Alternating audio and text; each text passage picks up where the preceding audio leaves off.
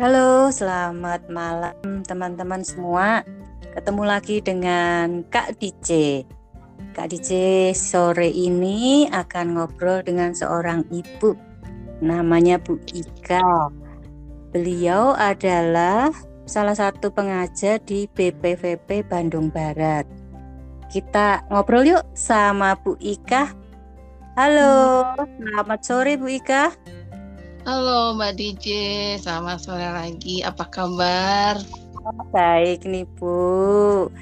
Nah, di sini teman-teman mau dengar nih Bu, perkenalkan Ibu sebagai pengajar di BPVP Bandung Barat dan bagaimanakah pentingnya sertifikasi profesi atau sertifikasi untuk mengukur kompetensi kita nih Bu. Silahkan Bu.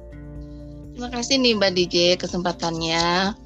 Teman-teman perkenalkan nama Ibu, orang-orang sudah panggil Ibu ya, karena sudah senior mungkin ya. Namanya Ibu Ika, Ika Surtini tepatnya. Saya sudah dari 2015 di BPVP. Kalau dulu namanya BLK Lembang, mungkin tahun ini baru diganti. Jadi BPVP Bandung Barat. Nah, seperti yang ditanyakan sama Mbak DJ tentang sertifikasi, eh, kenapa sertifikasi itu penting? Karena memang itu keuntungannya banyak banget gitu ya. Keuntungan buat individu dan juga untuk lembaga yang kita diami. Karena sertifikasi itu merupakan suatu standar atau uh, ukuran seberapa kompeten kita, seberapa mampu kita terhadap suatu profesi yang kita jalani. Nah, profesi ini suatu bentuk pengakuan formal bentuknya jadi tidak bisa mengarang-arang nih saya ahli nih di bidang ikan lele misalnya atau saya eh, ahli banget nih di bidang jahit atau apa pun tanpa tanpa bentuk formal sebuah surat sertifikat sepertinya itu tidak bisa dipertanggungjawabkan. Nah, kalau seseorang sudah memiliki sertifikatnya terhadap suatu profesi tertentu, tentunya dia bisa lebih me, menunjukkan secara formal kepada siapa pun bahwa dirinya memang betul sudah terstandar. Dan standarnya itu mungkin ada level-level tertentu dan bidang-bidang tertentu. Keuntungannya banyak ya untuk individu dan juga untuk lembaga. Kalau untuk lembaga di antaranya bisa bisa dengan mudah gitu memetakan orang ini layak untuk di posisi mana. Orang ini layak nggak untuk naik jabatan atau naik eh, penghasilannya gitu untuk menunjang karir profesional juga.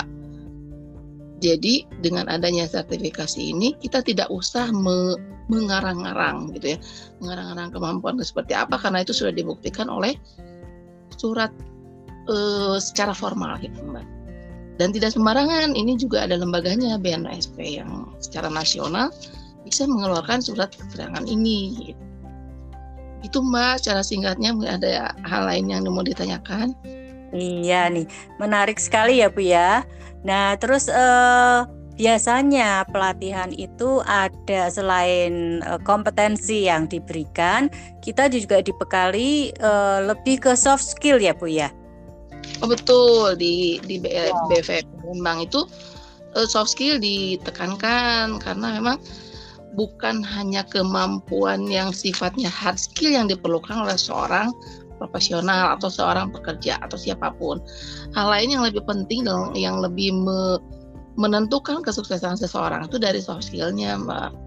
Karena sikap, perilaku dan eh, apa karakter seseorang itu yang yang diolahnya yang di soft skill itu supaya mereka itu lebih lebih bisa memunculkan hal positif lain yang dia miliki selain hard skill tertentu gitu mbak. Wah menarik ya Bu ya. Nah, terus uh, soft skill ini apa nih yang kita bisa pelajari, Bu? Kira-kira uh, seperti apa sehingga teman-teman juga bisa tahu bahwa kenapa soft skill itu penting dan kenapa itu diberikan pada waktu kita mengikuti proses pelatihan menuju uji kompetensi nih, Bu. Nah sebenarnya ada atau tidak ujungnya ke, ke uji kompetensi soft skill itu memang perlu mbak ya siapa pun oh, gitu. perlu ya hmm tapi karena mungkin dari BVP Lembang ini sudah sudah menyadari, udah aware tentang hal itu. Jadi sebelum adanya ujian uji kompetensi setelah pelatihan itu soft sudah diberikan mbak. Sebelum adanya apa ujian-ujian kompetensi itu.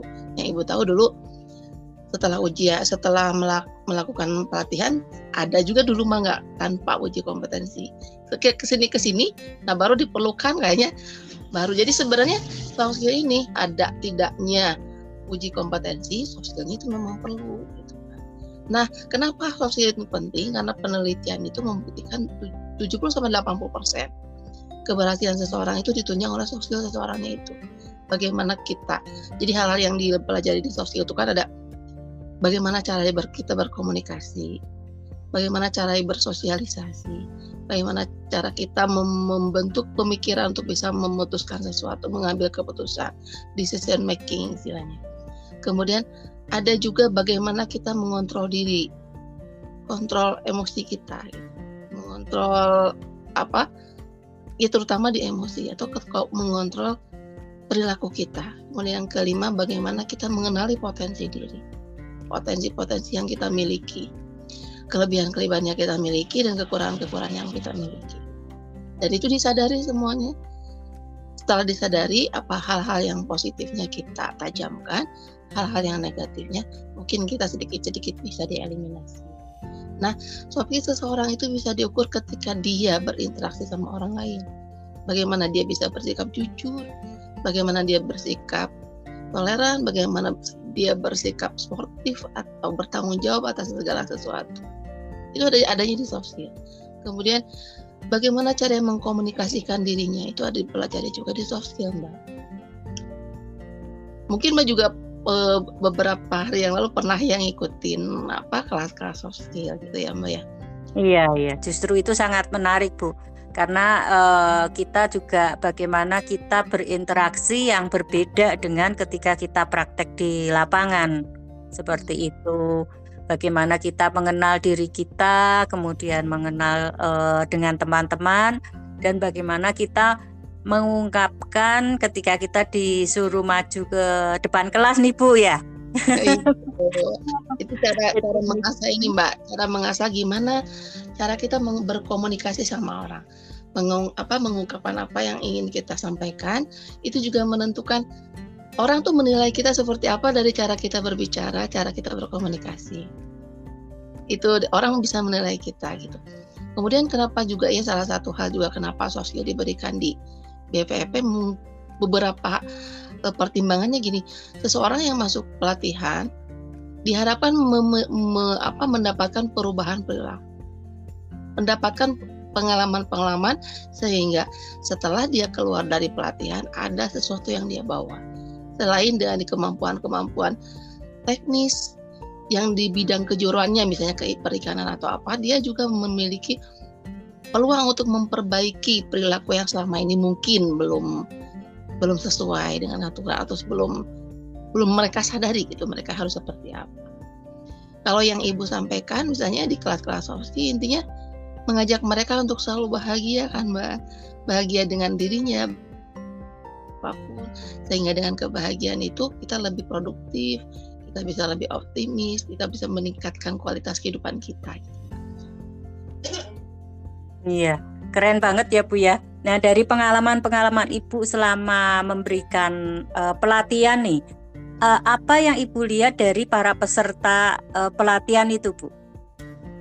Uh, ibu tuh ya intinya senang sekali kalau dapat kelas ya baik itu di BPP ataupun di, di apa di kelas-kelas lainnya mungkin ibu juga suka memberikan beberapa LPK. Nah, ibu senang ketika dihadapkan pada peserta-peserta yang relatif terus baru gitu ya mbak ya ketemu dengan orang baru, anak-anak yang baru, peserta-peserta baru dan intinya ketika kita berinteraksi, ibu mengasah juga gitu ya. Dan ibu kan bukan berarti ibu mengajarkan, tapi ibu nge-sharing. Kadang-kadang ibu juga mendapat pelajaran juga dari peserta gitu ya. Bukan berarti ibu yang selalu mengajar, tapi ibu juga belajar dari mereka. Karena pengalaman setiap orang itu kan beda-beda. Apalagi kalau di BPP itu pesertanya banyak dari luar daerah, nggak ada yang dari Aceh, dari apa dari Medan, dari Manado, kadang pernah juga dari dari daerah yang sangat jauh gitu mbak ya. Nah mereka ke sini terus ngobrol sharing sama ibu tentang materi-materi ini dan intinya mereka mbak tertarik gitu mbak tertarik. Kemudian kita banyak sharing juga di antaranya mbak ya. Beberapa juga terus komunikasi ini sama ibu karena mungkin materi ini akan terus akan terus apa e, berguna bagi mereka gitu. Akan terus kepake sama mereka karena ini berurusan dengan berinteraksi sama orang yang notabene setiap orang juga akan berinteraksi dong di setiap saat di mana pun gitu loh Nah, bekal-bekal untuk mereka berinteraksi supaya mereka nyaman dan menyamankan ini kayaknya mereka butuhkan. Makanya mereka juga jadi sangat antusias ketika ketika ngobrol tentang ini gitu, Mbak. Ya alhamdulillah mudah-mudahan uh, kita bisa saling mengisi gitu ya, Ibu juga terisi dengan pengalaman-pengalaman peserta. Terus peserta juga mudah-mudahan terbekali sama Ibu dengan cara berpikir yang baru gitu, Mbak. Iya, iya. Keren ya Bu ya. Jadi uh, ternyata kita bisa saling mengisi, saling belajar, kemudian saling berjejaring ya Bu ya. Seperti apa yang saya alami dengan Ibu ya. Betul Mbak, ini rahmat karunia gitu ya. Ini memang rezeki nggak ternilai bisa ketemu Mbak, bisa ketemu banyak orang gitu yang kadang-kadang masuk ke BPP itu bukan bukan mereka yang apa yang kosong tanpa kemampuan apa apa justru mereka membawa banyak sekali potensi gitu kami hanya hanya mungkin prosesnya menyamakan persepsi kemudian e, saling mengisi gitu mbak. Yang menariknya itu kalau ngomongin tentang soft kan bukan bukan ibu yang mengajar gitu tapi kita memang saling bereksplorasi mengeksplorasi diri sendiri gitu. Iya dari situ Bu, selama Ibu mengajar, kelihatan nggak potensi dari para peserta di setiap angkatan? Ibu bisa tebak nggak? Ini yang bakal jadi, ini yang bakal sukses, atau seperti apa nih Bu? dari kacamata pengajar loh Bu. Uh, Sebenarnya kelihatan Mbak. Oh kelihatan. gitu. Iya bisa kelihatan.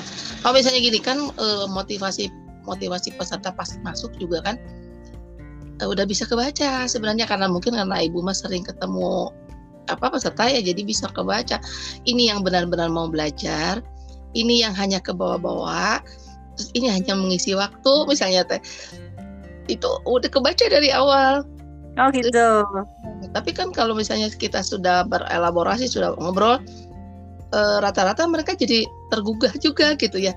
Kenapa saya jauh-jauh ke sini kalau tidak ada perubahan perilaku gitu? Kemudian e, oh iya ya mending nyari teman lebih banyak kayak gitu gitu pada saat awal biasanya mereka gini pas ngelihat ibu awalnya mungkin nggak belum apa ya belum nggak pasti ya mau ibu sampaikan gitu. Mungkin setelah 10 menit atau 15 menit mereka baru ngeh gitu loh. Oh iya ini penting ternyata gitu. Nah tatapan-tatapan perubahan tatapan mereka ke ibu juga ibu sebenarnya senang gitu ya senang banget. Yang awalnya misalnya cuek-cuek aja terus ngobrol 10-15 menit kemudian kemudian ikut jadi antusias itu kan kepuasan buat ibu juga kan. Ya yeah. mudah-mudahan betul bahwa perubahan itu teh uh, apa menetap di diri mereka gitu. Nggak nggak selama pelatihan aja mereka antusias kemudian keluar mereka lupa gitu. Dan beberapa juga mbak dari dari setiap kelas tuh ada loh satu atau dua yang memang potensial gitu.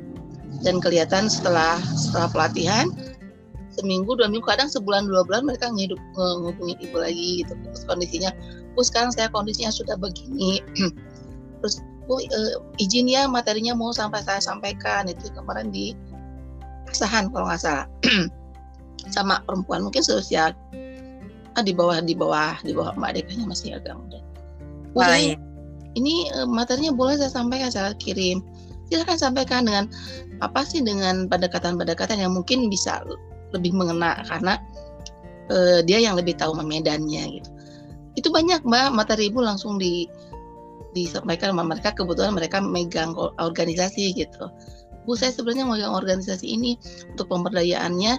Boleh nggak ini minta pengayaan ini? Ibu sampaikan ibu senang gitu ya. Senang kalau misalnya materi ini memang menyebar semua menyebar ke banyak yang bermanfaat lah untuk banyak orang gitu maksudnya. Iya. Tuh kan menarik kan teman-teman? Bahwa sertifikasi kompetensi atau sertifikasi profesi untuk mengukur uh, kompetensi kita, untuk menjadi bekal kita berwirausaha atau kita bekerja itu sangat penting. Dan di dalam pelatihan itu kita banyak mendapatkan hal-hal yang positif termasuk soft skill. Menarik kan teman-teman? Terima kasih nih Bu Ika. Semoga manfaat dan bisa saling berkolaborasi ke depannya. Amin. Bu, Selamat sore dan salam kompetensi. Makasih juga Mas, salam kompetensi, semangat terus, bahagia terus. Terima kasih Bu. Ya.